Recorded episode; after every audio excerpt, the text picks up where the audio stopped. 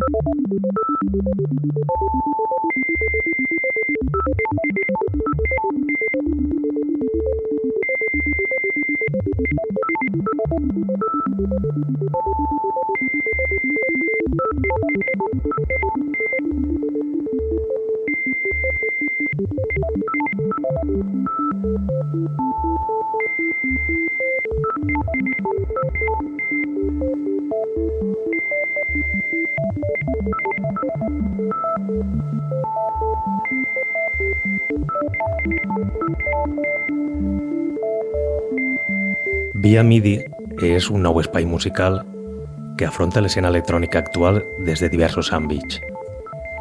Un repàs al present discriminant criteris en quant a estil i distribució. Entrarem en camps molt interessants com els net labels, que encara que pareguen plataformes inexistents o almenys arraconades front a les excessives campanyes de promoció que ofereix la resta de discogràfiques, continuen vives i oferint qualitat a més de ser una eina atractiva tant per a DJs com per a melòmans. Una altra plataforma que també estarà present serà Bandcamp. També afrontarem tant novetats com algun tema que pel pas del temps ja forma més part de l'oblit i també hi haurà una secció dedicada explícitament als projectes valencians. Comencem.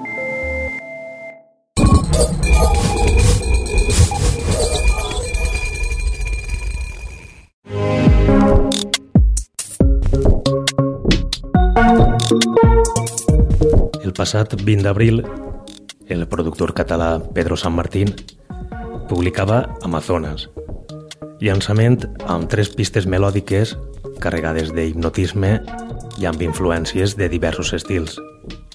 Sonidos Distintos és la discogràfica que alberga esta referència.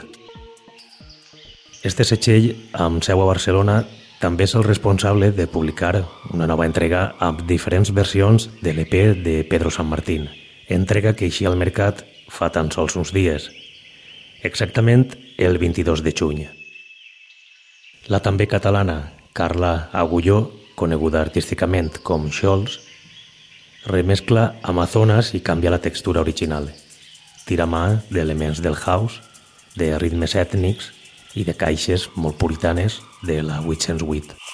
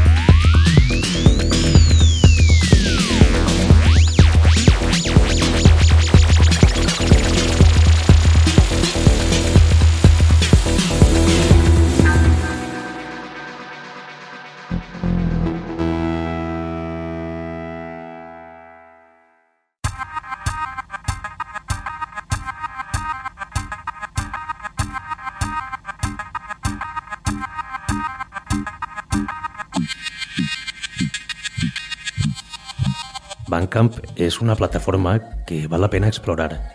Molts treballs exposen la seva venda només per este mitjà a tots els formats possibles. És una eina interessant per a trobar música i artistes menys habituals. Una altra virtut de Bandcamp, parlant ara del format digital, és que la majoria de llançaments resulten molt més econòmics que en altres tendes i el format sol ser de més qualitat com WAV, AIF o FLAC. I dir també que en ocasions moltes discogràfiques ofereixen el seu treball a canvi d'una donació, d'un preu voluntari.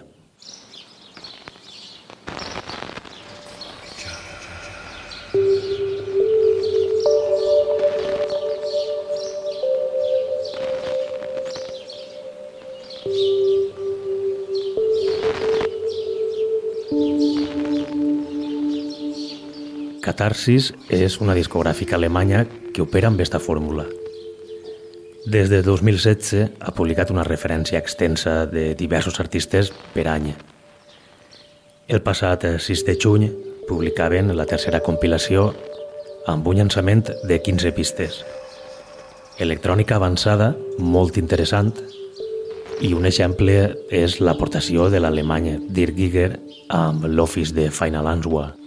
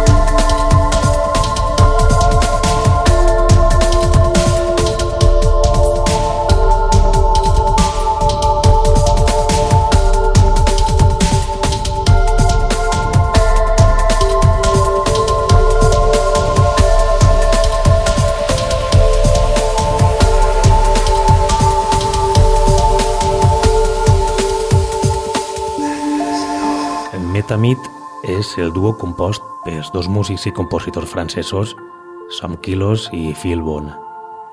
Projecte conceptual que associa la separació del cos i l'ànima a un estat d'alliberament. Esta parella també inclou un dels seus temes en esta tercera entrega de Catarsis. Rampage és el nom d'esta pista.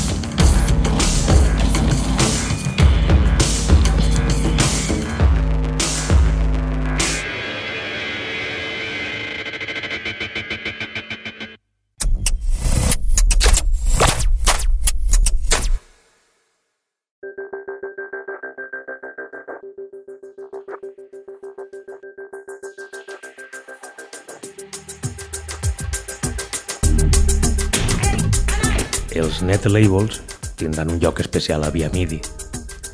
Este tipus de plataformes pareix que en l'actualitat passen prou més desapercebudes que en la passada dècada. Però encara que a nivell nacional siga complicat trobar discogràfiques que operen al marge del conjunt de normes jurídiques del copyright, no resulta difícil trobar este tipus de plataformes per altres països.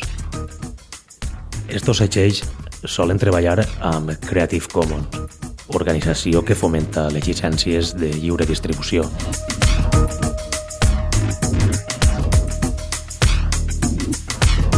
Un bon exemple de continuïtat i de bon treball en este camp és NetWaves, una plataforma potent que promou este tipus de distribució i que es dividís les tasques per podcast, programació de ràdio i distribució musical, tot sempre de lliure distribució.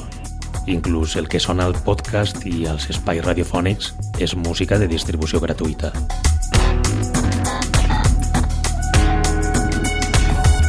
NetWave s'acumula més de 400 referències. Cleveland, Ohio, Evansburg, Pennsylvania és el títol de la referència 422. Àlbum amb 13 pistes de diferents artistes que culmina amb un podcast on es mesclen tots els temes. Aderacid s'encarrega de subministrar un destatge. Something compta a més amb la veu de Melo.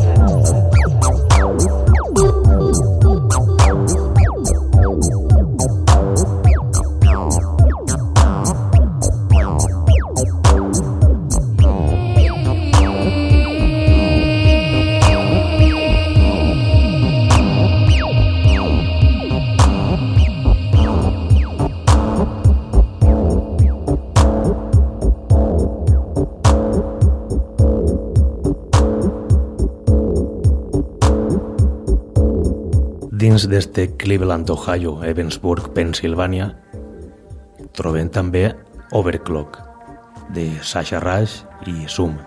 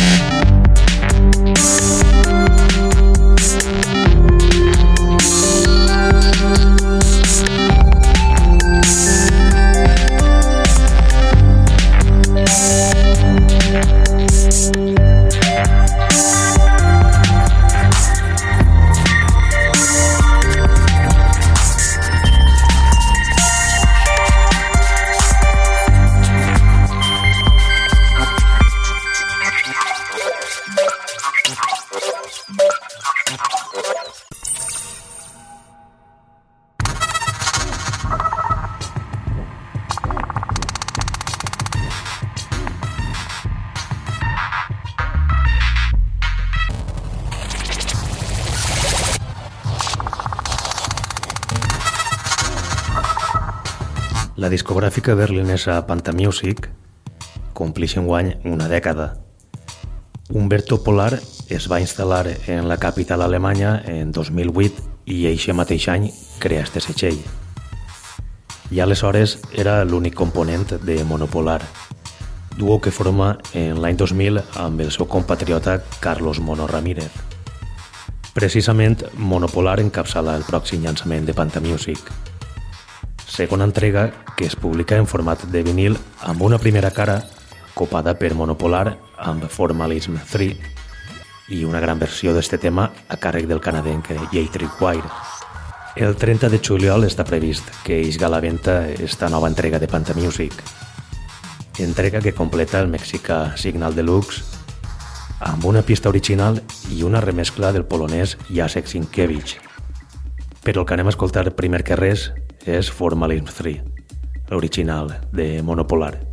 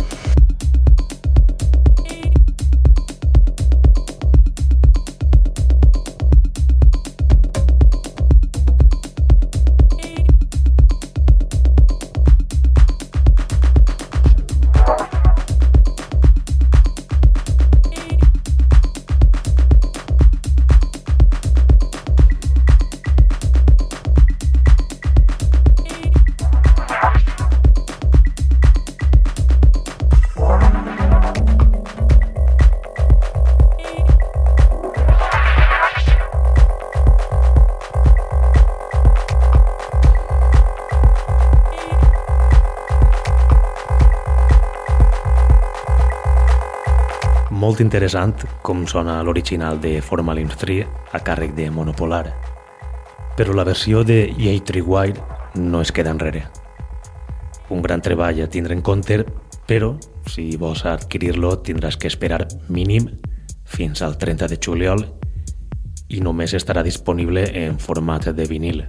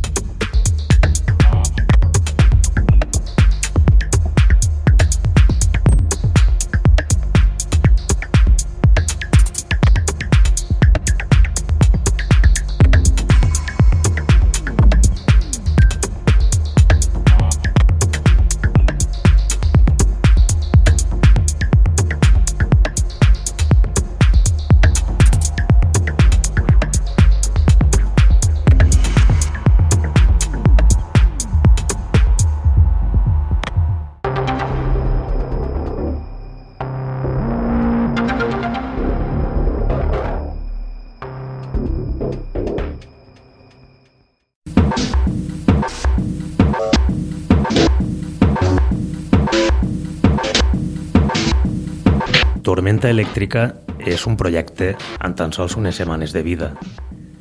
Discogràfica amb seu a Brasil i Uruguai que publica una primera referència el passat 30 d'abril i que torna amb una segona tan sols més i mig després. En eixa primera, el nòrdic Juha Pupera firmava com a Gruz una referència que en aquesta ocasió es publicava en forma de vinil i ara en esta segona entrega el format canvia a casset.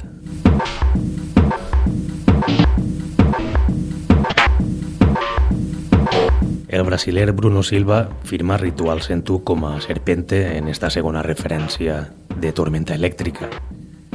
Referència que manté el tecno experimental com a subgènere principal de la plataforma, encara que hi ha un canvi significatiu d'este llançament al de Gruz.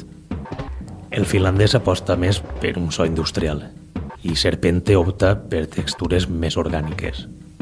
Sangue de Galo és el primer dels quatre tracks de Ritual Sentu referència que està disponible tant en casset com en digital des del passat 15 de juny.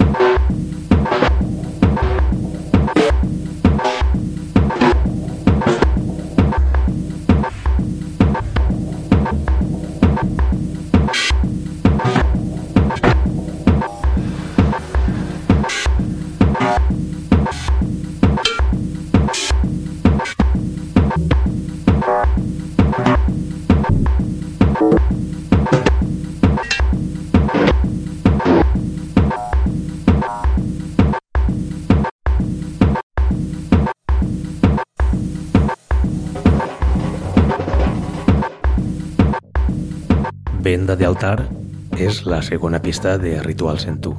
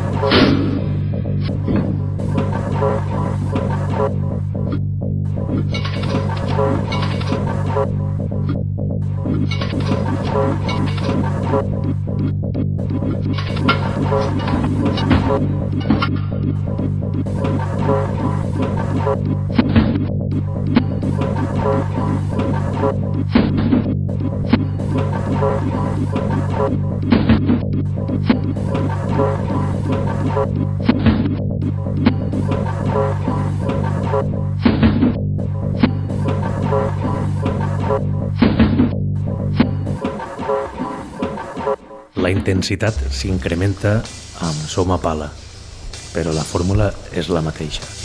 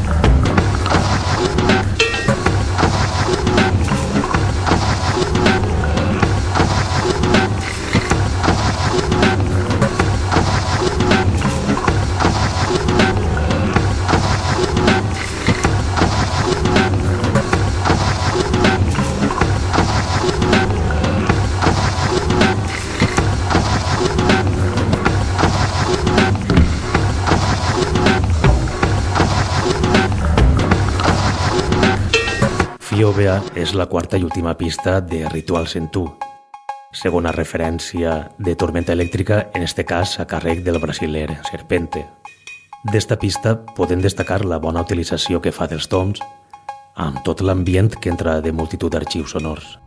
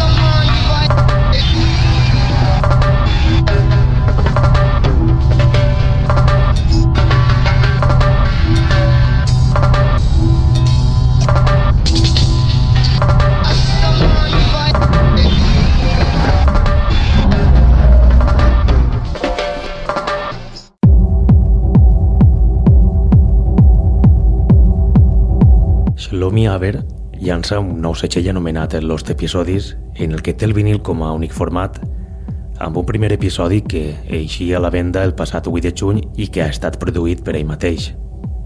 L'artista israelita ha incrementat la seva popularitat amb treballs publicats a discogràfiques com Obum i Cocoon, però el que presenta amb la nova discogràfica és interessant. Més que res, per vincular-la únicament al format de vinil i a un estil de techno de so analògic i modular. Night Coasters és el segon tall d'este primer episodi.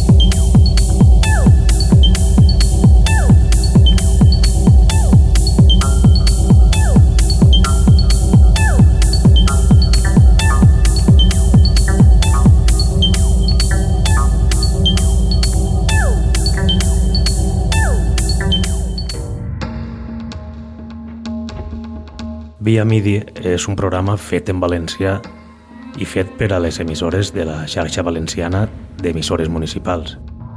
Per tant, és lògic que es dediqui un dels espais per a tractar projectes valencians que en tenim molts i amb molta qualitat. Així que en este primer capítol podria parlar de multitud de projectes. M'imagine que, segons l'estil que li agrada a cadascú, trobarà més important una discogràfica o un artista diferent però anem a començar per una de les plataformes més en forma de la nostra terra. Subsist va néixer en 2009 de la mà d'Alfonso Cibantos. En quant a tecno atrevit, experimental o industrial, estem davant d'una de les discogràfiques més punteres del país i amb més projecció internacional.